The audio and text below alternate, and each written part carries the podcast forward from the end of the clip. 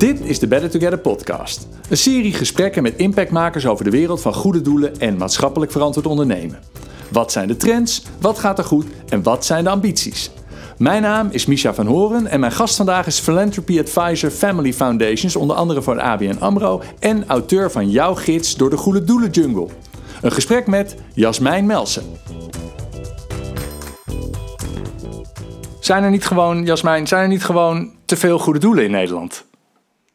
Oh ja, dat is eigenlijk best een goede vraag. Uh, nou, er zijn in ieder geval zoveel dat mensen wel verstrikt raken in de Goede Doelen Jungle. En er zijn er inderdaad meer dan 10.000 in Nederland. Dus uh, best veel om uit te kiezen. En zijn dat allemaal 10.000, allemaal wel met, met een officieel keurmerk? Uh, als zijn, zijn die echt geregistreerd goed doel? Het zijn er in ieder geval 10.000 die fondsen werven van donateurs. Uh, ja, en daarbinnen, je hebt verschillende keurmerken, maar een paar honderd hebben zeker een keurmerk. Ja.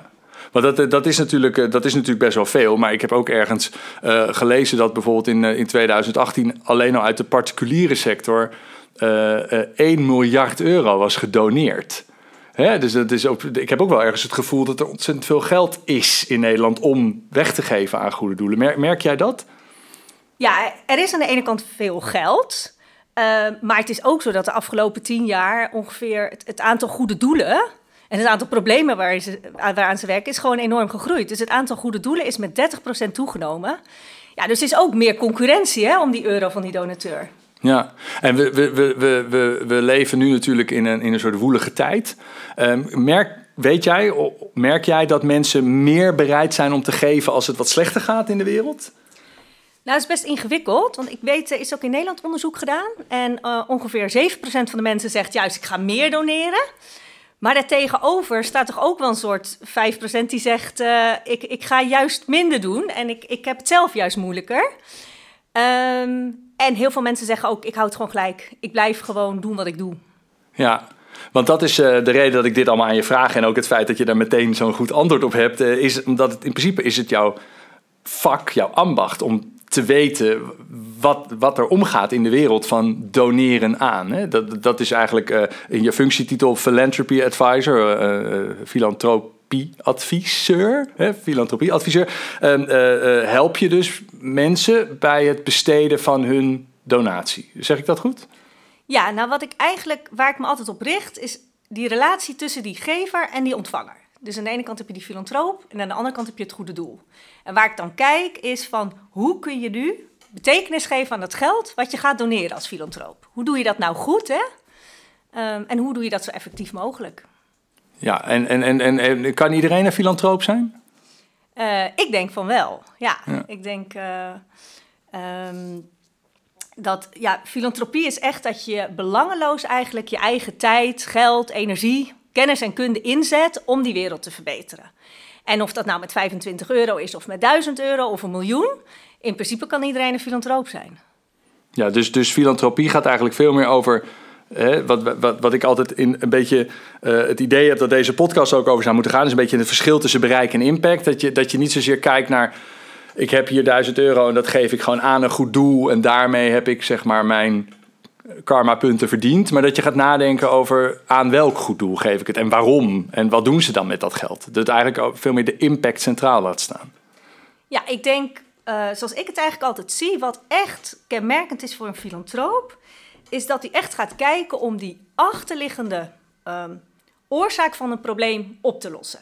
Dus als je kijkt bijvoorbeeld. Uh, uh, naar daklozen, dan is het niet alleen bed, bad en brood. Hè. We doen niet alleen maar aan liefdadigheid. Maar je gaat verder kijken en je wilt echt oplossen dat er straks geen daklozen meer op straat zijn. Dus je gaat eigenlijk niet alleen maar kijken naar directe behoeften, hè, van wat is er nu nodig.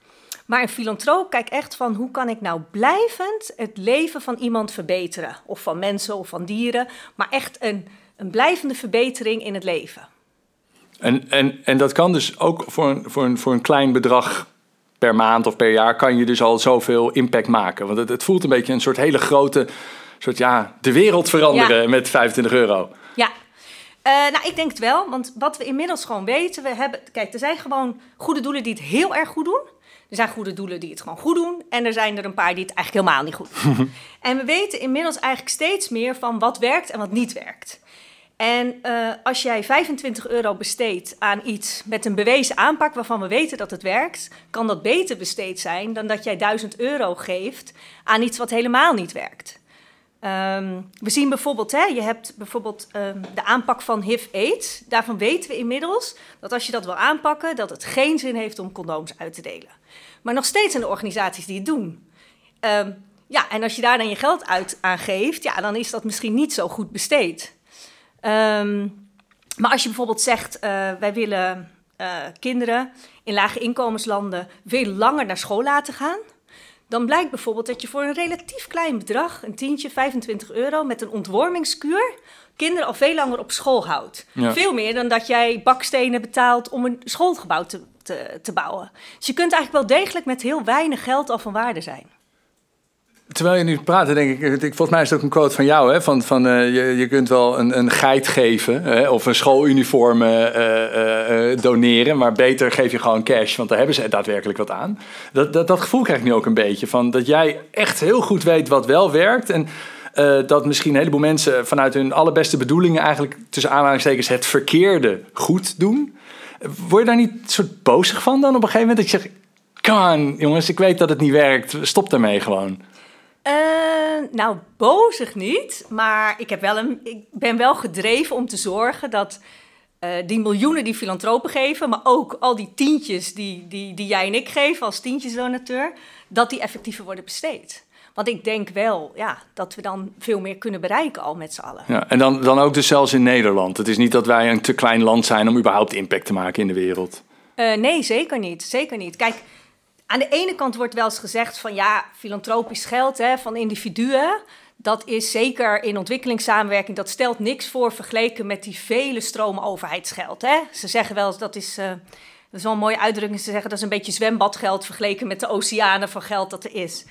Um, maar dan, dan moet je niet vergeten dat met privaat geld, met geld van, van mensen zoals jij en ik en van filantropen, heb je veel meer vrijheid. Dus je kunt heel veel innovatie financieren, die vervolgens bijvoorbeeld een, een uh, nieuwe medische behandeling die de overheid niet kan financieren, die kunnen dat risico niet nemen. Dan, kan dan kun je dat zelf doen. Dus je kunt wel heel veel nieuwe dingen doen. En je kan ook kritisch zijn over overheidsbeleid. Ja, um, ja en, da en dat kan je met filantropisch geld doen. Ja, en zit er ook een stukje uh, innovatie bij? Want ik heb een, in een van de eerdere gesprekken met, met Fedor Friese van, uh, van de Herstichting, uh, projectleider van, van Ommetje. Ehm, ja, die, heeft, die, die, die krijgt energie van innovatie, van innoveren. En, en wij vroegen ons toen af van, is, is de goede doelenwereld eigenlijk wel de plek om te innoveren? He, want misschien wel, maar aan de andere kant is het ook wel echt publieks geld. En innovatie voelt ook wel als experimenten. En dan, nou, helaas, mislukt. Uh, een miljoen te veel eh, betaald, helaas. Ja. Uh, is het, heb, heb jij het gevoel dat het juist een goede plek is om wel uh, nou, de filantropische gelden of donateursgelden te investeren in, in ja, experimenten? Ja, maar je moet het natuurlijk wel kunnen uh, verantwoorden. Dus hoe mooi is het als je dus dan een ondernemende filantroop vindt die, die jouw idee begrijpt. Hè? Die zegt van oké, maar ik, ik ben gewoon bereid om in jouw organisatie te investeren. Omdat ik geloof dat jullie daardoor het beter gaan doen, meer geld gaan ophalen. Maar daarvoor heb je wel filantropen nodig die echt begrijpen. Ja. Um, aan wat voor probleem je werkt, hoe je dat verder kunt oplossen. En die niet te rigide zijn en zeggen van nou alleen aan dit projectje mag het geschonken worden of alleen aan dat project. Uh, dus je zoekt dan wel echt een donateur die echt een gedeelde visie heeft met dat goede doel. Hè? Ja. Dat is het mooiste als die filantropen dat goede doel, als die dromen, die twee dromen van die mensen samenvallen. Van ja. een directeur van een goed doel en ja. Van een, uh, dat is een mooi, mooi, mooi, mooi, mooi vak en ook mooi gezegd. En nu vraag ik me even af, komen ze bij jou of vind jij de filantroop... Hoe, wat is er, wie neemt de eerste stap? Ja, dat ligt eraan. Um, ik merk wel vaak dat mensen eerst naar ons toe komen. Omdat um, filantropen voelen zich ook heel onzeker in dat contact met een goed doel. Hè? Wat ga ik ze nou vragen? Ik ben kwetsbaar, want ze zien mij aankomen met een pot geld. En als ze één ding niet willen, is behandeld worden als, een, uh, uh, als gewoon een pinautomaat. Um, en, en daarbij komt nog, uh, ja, vind maar eens je weg. Hè? Als je iets wil doen aan... je wilt in een bepaalde ziekte investeren... of je ja. wilt iets doen tegen vervuiling van de oceanen. Ja, je kan kiezen uit tientallen stichtingen. Dus waar begin je? Nou, dat is een beetje onze taak van, ehm, om mensen daar doorheen Ja. te gidsen eigenlijk. En voor de duidelijkheid, want ik, het, het klinkt toch een beetje alsof je daar dus heel rijk voor moet zijn voordat je met, eh, met mensen zoals jij aan tafel gaat zitten. Maar dat is dus in principe, kan dat op hele kleine schaal, kan dat ook al. Ja, zeker. Ja. Ik, ehm, ik zou zeggen, het belangrijkste is dat je gewoon planmatig te werk gaat. Dat jij echt geïnteresseerd bent van eh, hoe los ik nou een bepaald probleem op. In plaats van dat je zegt, ik ga een beetje Sinterklaasje spelen en ik doe hier een donatie en daar een donatie. Ik denk als je planmatig te werk gaat en je kijkt gewoon, je, je, je interesseert je van, bereikt dit goede doel ook echt iets? Ja, dan kan je, mag je jezelf echt wel een filantroop noemen. Ook met je 25 euro Ja. zou ik zeggen. Ja. Dus het is eigenlijk veel meer vanuit wat wil ik bereiken en daar investeer ik in, hoe relatief klein dat bedrag ook is. In plaats van, ik, ik, er staat iemand aan mijn deur, ik geef een tientje. Dat is eigenlijk het verschil. Hè? Dus, eh, is, merk je dat, dat is, er een, is er een verschuiving in de trend? Zijn er nu meer filantropen dan dat er waren 20 jaar geleden? Ehm, nou, ik zie wel, ik zie wel eh, verschillen. Eh, ik denk het belangrijkste wat we al jaren zien. Hè, vroeger was het gewoon geld verdienen. En aan het einde van het leven ga je nog eens nadenken van... ga ik betekenis geven aan dat geld of noem ik een paar goede doelen in mijn testament? Nou, en, en dat is helemaal verschoven naar geven bij leven. Je wil nu een verschil maken. En dat geldt ook voor tientjes donateurs. Het is echt van nu geven bij leven. Ehm, en daarbij zie ik ook echt een groot verschil... is dat men veel meer betrokken wil zijn. Dus ik zie bijvoorbeeld eh, als het gaat om de vluchtelingencrisis, dan zie ik daar waar de ouders zeiden van, nou, wij doen wel een donatie aan het Rode Kruis. Zegt de jongere generatie, nee, wij vliegen zelf naar Lesbos en wij gaan zelf daar werken in een vluchtelingenkamp. Dus veel meer dat zelf doen Ja. hè? en zelf betrokken willen zijn, dat is wel echt een groot verschil. En is het in jouw beleving, is dat ook een goed, goede verschuiving? Of, of is het eigenlijk voor die goede doelen? Is het lijkt het me best wel lastig. Jeetje, dan moet ik ook helemaal gaan faciliteren dat er onbekwame mensen met een goed hart eh, vluchtelingen uit de zee gaan vissen. Terwijl liever heb ik gewoon 50.000 euro en dan ga ik zelf met een boot eh, de zee op. Eh, ik zie de betrokkenheid als iets heel positiefs. En ik zie ook wel dat het positief is. Dat, dat een soort onrust is hè, van dat probleem moet nu opgelost worden. En als dat goede doel ons kan helpen, dan sluiten we daarbij aan. Maar zo niet, dan gaat zo'n ondernemer het gewoon zelf doen. Maar de negatieve kant is dat heel veel mensen iets zelf gaan beginnen zonder enige kennis van zaken. En iedereen dus met z'n allen opnieuw het wiel aan het Ja. uitvinden is. Ja. En in dat opzicht denk ik, nou, dan is het wel verstandig om wat meer van de kennis en kunde die binnen een goed doel zit gebruik te maken. Ja. Ja, maar dan, dat is misschien ook wel die 10.000 stichtingen waar je het over hebt. Dat iedereen het een, een beetje een bekende achternaam begint, een eigen foundation. En gaat dan inderdaad het wiel opnieuw uitvinden.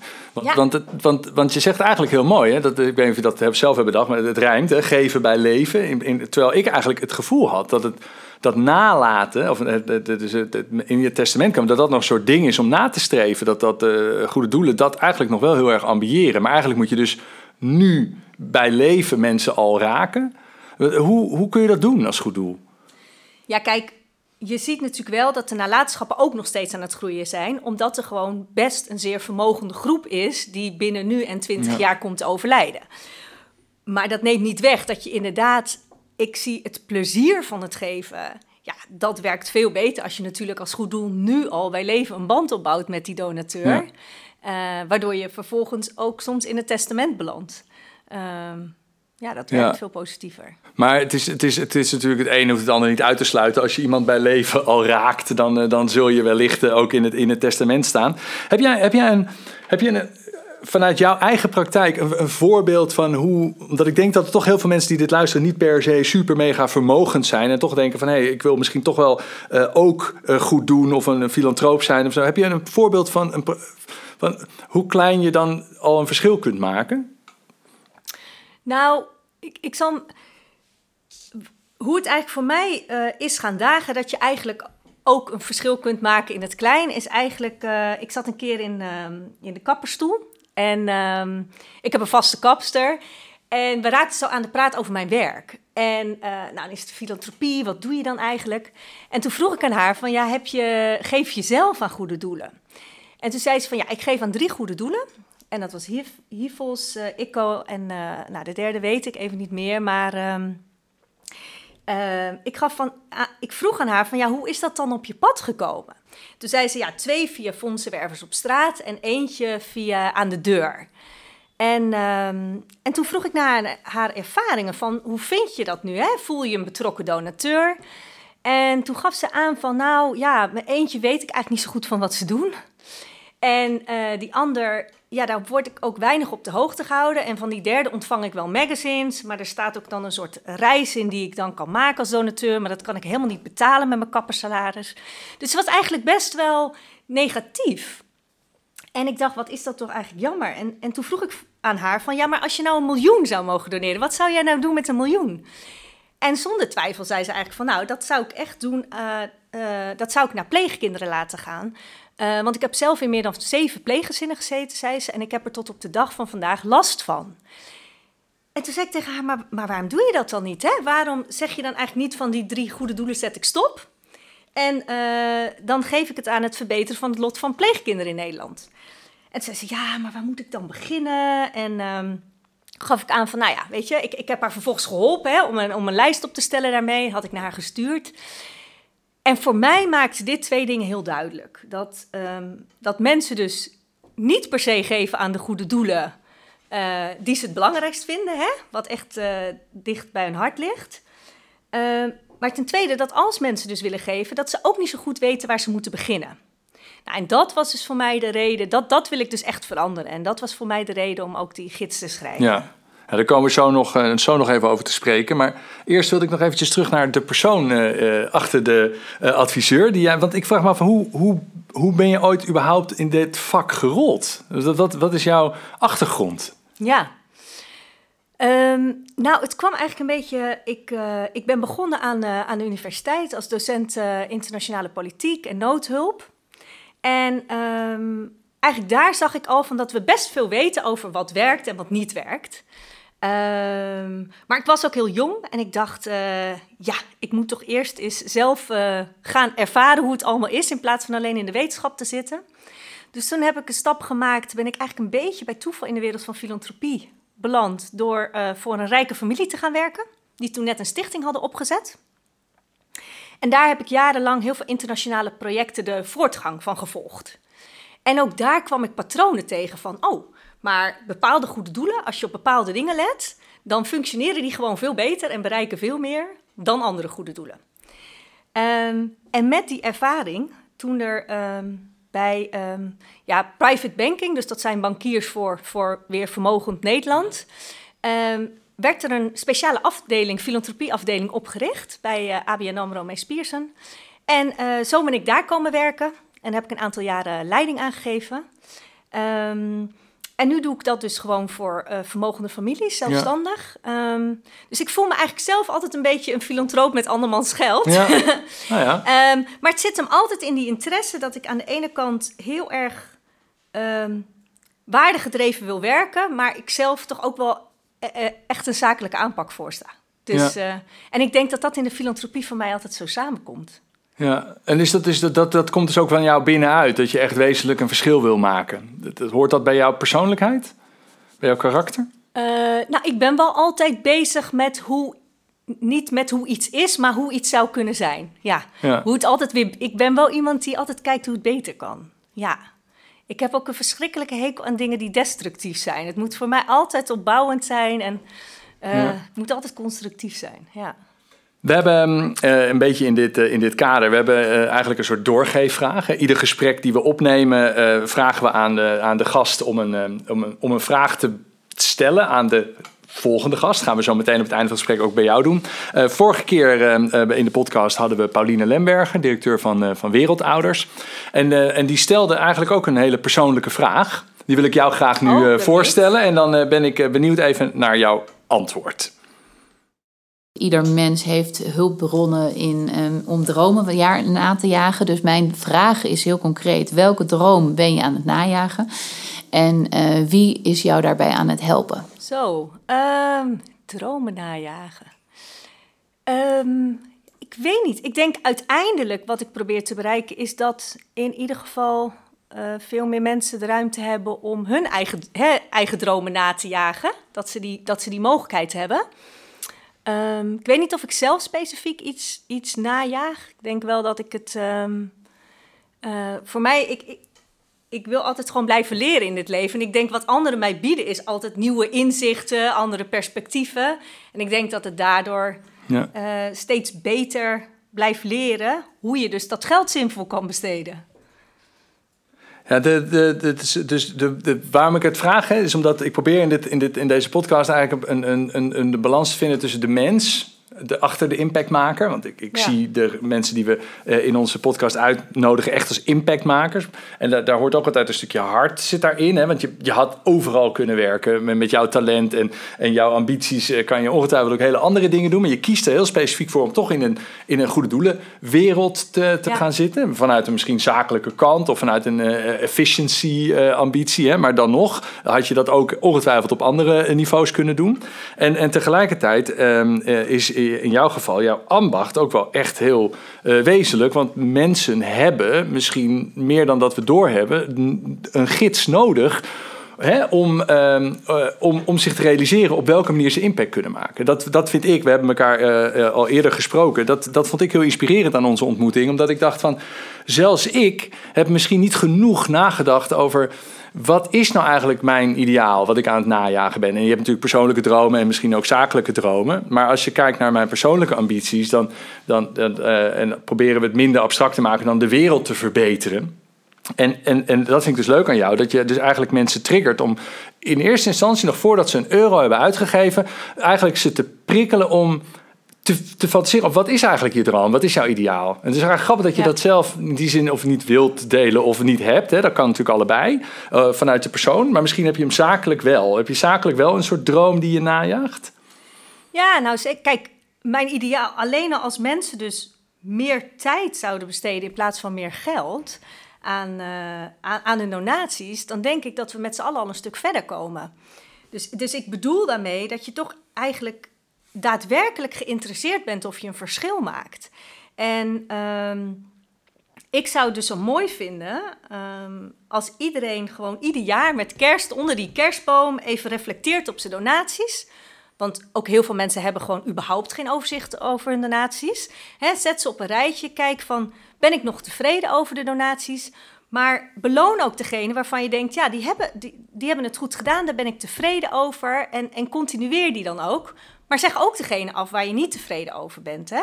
Dus ik, ja, als, als ik dat ook kan bereiken, zou ik dat, Ja. eh, zou ik dat heel mooi vinden. Dus even teruggebracht. Dus je zegt eh, meer tijd besteden aan je donaties. Dan betekent dus niet meer, dat mag ook natuurlijk, maar meer vrijwilligerswerk. hè? Je bedoelt heel concreet van, je geeft iedere maand, ik geef bijvoorbeeld iedere maand 5 euro aan natuurmonumenten. Dat wordt automatisch afgeschreven, daar denk ik eigenlijk geen één keer per jaar over na. En toevallig, eh, vele jaren later, eh, eh, keek ik een keer door mijn afschriften heen en toen zag ik ineens, oh ja, ik geef 5 euro aan natuurmonumenten. En toen heb ik bij mezelf, ben ik toch even gaan nadenken van, ja, waarom doe ik dat eigenlijk? En toen dacht ik, ja, ik vind het echt belangrijk. Ik, zou, ik wil dat er een, een organisatie is die zich druk maakt over het natuurbehoud in Nederland. Eh, ik wil dat er een organisatie is die genoeg geld heeft om, om natuurgebieden eh, eh, te onderhouden. En misschien te beschermen tegen, tegen vastgoedtypes. en ehm, toen heb ik dus heel bewust besloten om het niet stop te zetten. Theoretisch had ik ook kunnen besluiten om het wel stop te zetten en dan dat die 5 euro eh, aan een heel ander eh, doel eh, te, te, te, te doneren. Hè, dat is eigenlijk wat je zegt. Hè? Je zou willen dat mensen meer gingen nadenken over waar ze hun geld aan uitgeven. Ja, het is eigenlijk precies zoals je het zegt. Met meer tijd bedoel ik eigenlijk dat mensen dus bewuster schenken.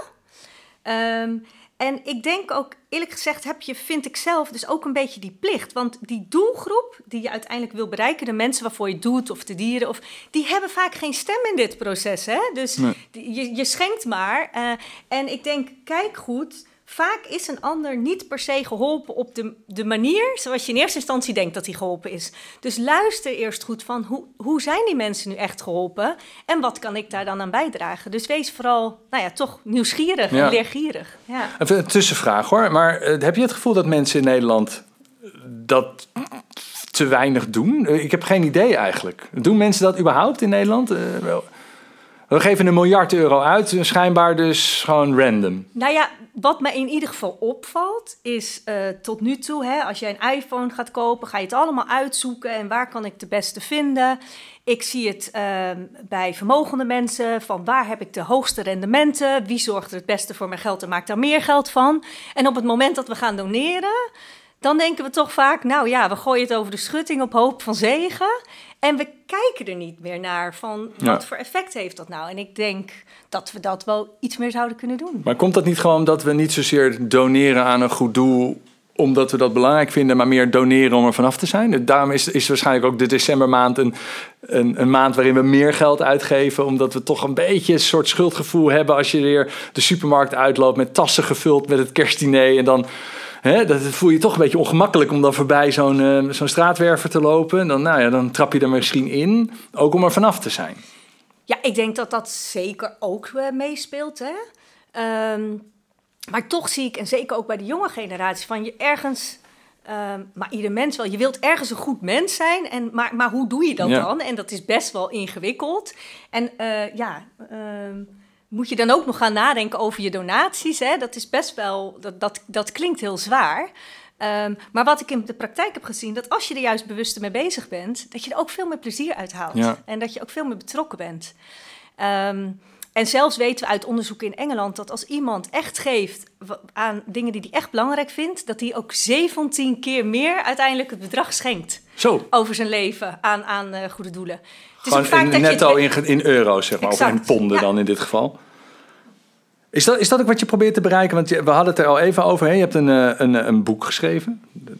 Het is uh, jouw gids door de goede doelen jungle. Dus ja. in, in het woord zou je dus zeggen goede doelen jungle. Er, het is dus een soort onoverzichtelijk geheel van verschillende goede doelen waar je aan kunt doneren. En jij gidst mensen die dus bereid zijn om iets te doneren, maar niet zo goed weten waaraan. Zeg ik dat goed? Gaat daar de, de boek, dat boek over? Ja, ja, zeker. Het is echt van waar begin je nu? En, um, en ik zeg dus ook steeds in dat boek: hè, het maakt niet uit zozeer hoeveel je geeft, maar vooral aan, aan wie je geeft. En, en het, het, ja, het laat je eigenlijk, het gids je er doorheen uh, in verschillende stappen wat je het beste kunt doen. Ja. Om uiteindelijk dus dat doel te bereiken van die intrinsieke motivatie te vinden, een bedrag te doneren, hoe klein dat ook is, dat bij jou past, bij jouw vermogen past. En vervolgens dus ook dat plezier te hebben, uh, wat je net omschreef van, uh, van het onderzoek in Engeland, waar, waar je dus echt zo blij bent dat je op die manier impact kunt maken dat je 17 keer zoveel gaat, gaat uitgeven. Ja, want ik denk wat, wat ik steeds meer zie in Nederland is dat we eigenlijk heel veel aan goede doelen geven. Hè? Dus van de huishoudens meer dan 80% van een huishoudens geeft. Dat zijn enkele honderden euro's per jaar. Dus we geven heel veel aan goede doelen, maar we klagen ook heel veel over goede doelen. er is heel veel cynisme. Ja. En daardoor zien we nu dat er een soort van, ja, noem het geefcultuur, maar de geefbereidheid wel wat aan het afnemen is. Ja. En dat vind ik eigenlijk heel erg jammer. Dus ik ben ook heel erg bezig, uh, ook weer bij hele vermogende mensen, maar ook gewoon bij, bij mijn eigen dochter. Van hoe zorg je ervoor dat je ook zo'n traditie van geven weer doorgeeft ja. aan je kinderen? En hoe zorg je dat je eigen kind ook weer betrokken is? Hè? Want, want even voor de duidelijkheid, uh, het is belangrijk om geld vrij te maken om te geven aan goede doelen, zodat zij hun, hun missie, hun maatschappelijke missie kunnen najagen. Het is, dat vind ik persoonlijk wel. Al moet ik wel zeggen, ik, heb er, ik, ik vind niet per se dat mensen moeten geven. Dat is, dat is, vind ik wel echt een eigen keuze. Ik heb alleen wel zoiets, dat wat je geeft, zorg dan dat dat goed besteed ja. is. Ja, nou, mijn oude, oude, oude, oude baas waar ik ooit voor heb gewerkt, die, uh, die had bijvoorbeeld voor zichzelf had hij besloten: uh, ik wil in principe alleen geven aan, aan, aan kinderen en aan dieren. Dierendoelen, kinddoelen en dierendoelen. En zo, oh, zo dan? Nou ja, omdat die kunnen zichzelf niet redden. Dat vond ik toch wel een hele inspirerende uitspraak. Dat ik dacht, ja, wie zijn er nou het meest behoeftig? Dat zijn dan misschien toch de personen en de dieren die zichzelf niet kunnen bedruipen. Nou, dan moeten we daar dus een helpende hand voor bieden.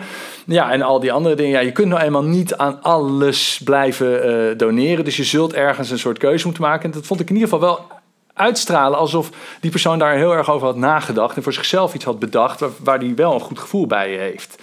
Ja, dat is wel het is mooi gezegd. Ja, ik, ik, het doet me denken aan, ik heb ooit dus voor een filantroop gewerkt en die zei van, uh, en echt al 15 jaar geleden zei hij dat eigenlijk van, uh, ik wil heel specifiek aan oceanen, aan de vervuiling van de oceanen tegengaan, want de zee is van niemand en daarom moeten we dat juist beschermen. Dus dat is een ja. beetje in lijn met wat jij ja. ook uh, zegt. Ja, dat is eigenlijk dan ook een beetje, een beetje de conclusie van dit hele gesprek. Want, uh, want uh, ja, een van de adviezen die ik, uh, die ik heb gelezen toen ik over me inlas in jouw persoon, stond dat jij zei van kies niet het doel met de laagste kosten, maar kies het doel met de meeste impact.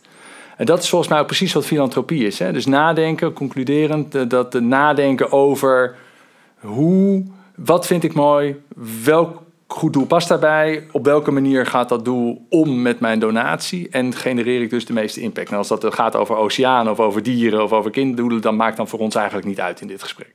Ja, ik zou dus zeggen van ga planmatig te werk, maar kijk dus ook vooral naar de resultaten van een goed doel in plaats van de kosten. Hè? We hebben de neiging om heel veel te kijken naar directeursalaris of strijkstok, maar het gaat er natuurlijk meer om van met 10.000 euro uh, helpen zij dan 100 euro 100 gezinnen structureel uit de armoede of duizend gezinnen. En daar moet je vooral naar kijken. En, um, en ik denk eigenlijk in het algemeen, waar we het een beetje over gehad ook hebben, hè, zou mijn boodschap zijn van zorg nu in ieder geval dat je van uh, reactief schenken, dus gewoon toch die goede doelen hè, maar op je af laten komen en ja zeggen tegen iedere fondsenwerf of accept Giro. Breng daar verandering in en ga nu eens proactief schenken. Dus echt van reactief naar proactief en maak daar echt keuzes in. Kijk welk thema je nou in het hart ligt en daarbinnen ga je goed kijken van waar kan je dan een verschil maken. En op die manier kan dus iedereen een verschil maken, hoe groot of klein de donatie ook is. Nou, geweldig. Ja, ik, ik zou willen afronden, maar ik realiseer me dat ehm, eh, we hebben eigenlijk nog één, uh, toetje te gaan. Want ook volgende week, of uh, volgende keer ehm, gaan we iemand uitnodigen voor een gesprek. Een impactmaker. Ik weet nu nog niet wie dat is. en zoals we jou een vraag van Paulien van Wereldouders hebben gesteld, zou ik je eigenlijk ook willen vragen van... heb jij een vraag binnen het thema maatschappelijke impact natuurlijk, die wij kunnen stellen de volgende keer dat we iemand hier in de studio hebben? Nou ja, zeker als het een impactmaker is, dan ben ik dus wel benieuwd. Uh, wat zou jij dan doen met een miljoen? Dat, uh, dat hoort dan ja, graag. Ja, dat is een geweldige vraag. Ja, Jasmijn, ik vind het ontzettend inspirerend. Uh, het, het, idee dat, uh, dat iedereen een filantroop kan zijn, dat, uh, dat, dat stemt me gelukkig. En vooral met de gedachte dat je, dat, je, jezelf, dat je bij jezelf te raden gaat om te kijken hoe je dus het beste zeg maar, voor jezelf, hè, voor je eigen gevoel, echt een verschil kan maken in, in de wereld. En daar dan de juiste uitvoerders eigenlijk bij te zoeken. En op die manier ja, echt impactvol met je geld om te gaan. Dat is een super waardevolle boodschap. ja, ik dank je ontzettend voor dit, voor dit gesprek. Jou ook bedankt. Dat was Jasmijn Nelsen, filantropieadviseur bij onder andere de ABN AMRO. Ze wil donateurs op weg helpen door ze te laten nadenken over hun eigen impactvolle ambities. En op die manier kan dus iedereen een filantroop zijn. Vond je dit een leuk gesprek? Laat het ons dan even weten via een comment of abonneer je op deze podcast. En wil je meer informatie over deze serie of andere projecten van Better Together Agency? Check dan onze site bettertogetheragency.nl of volg ons op socials.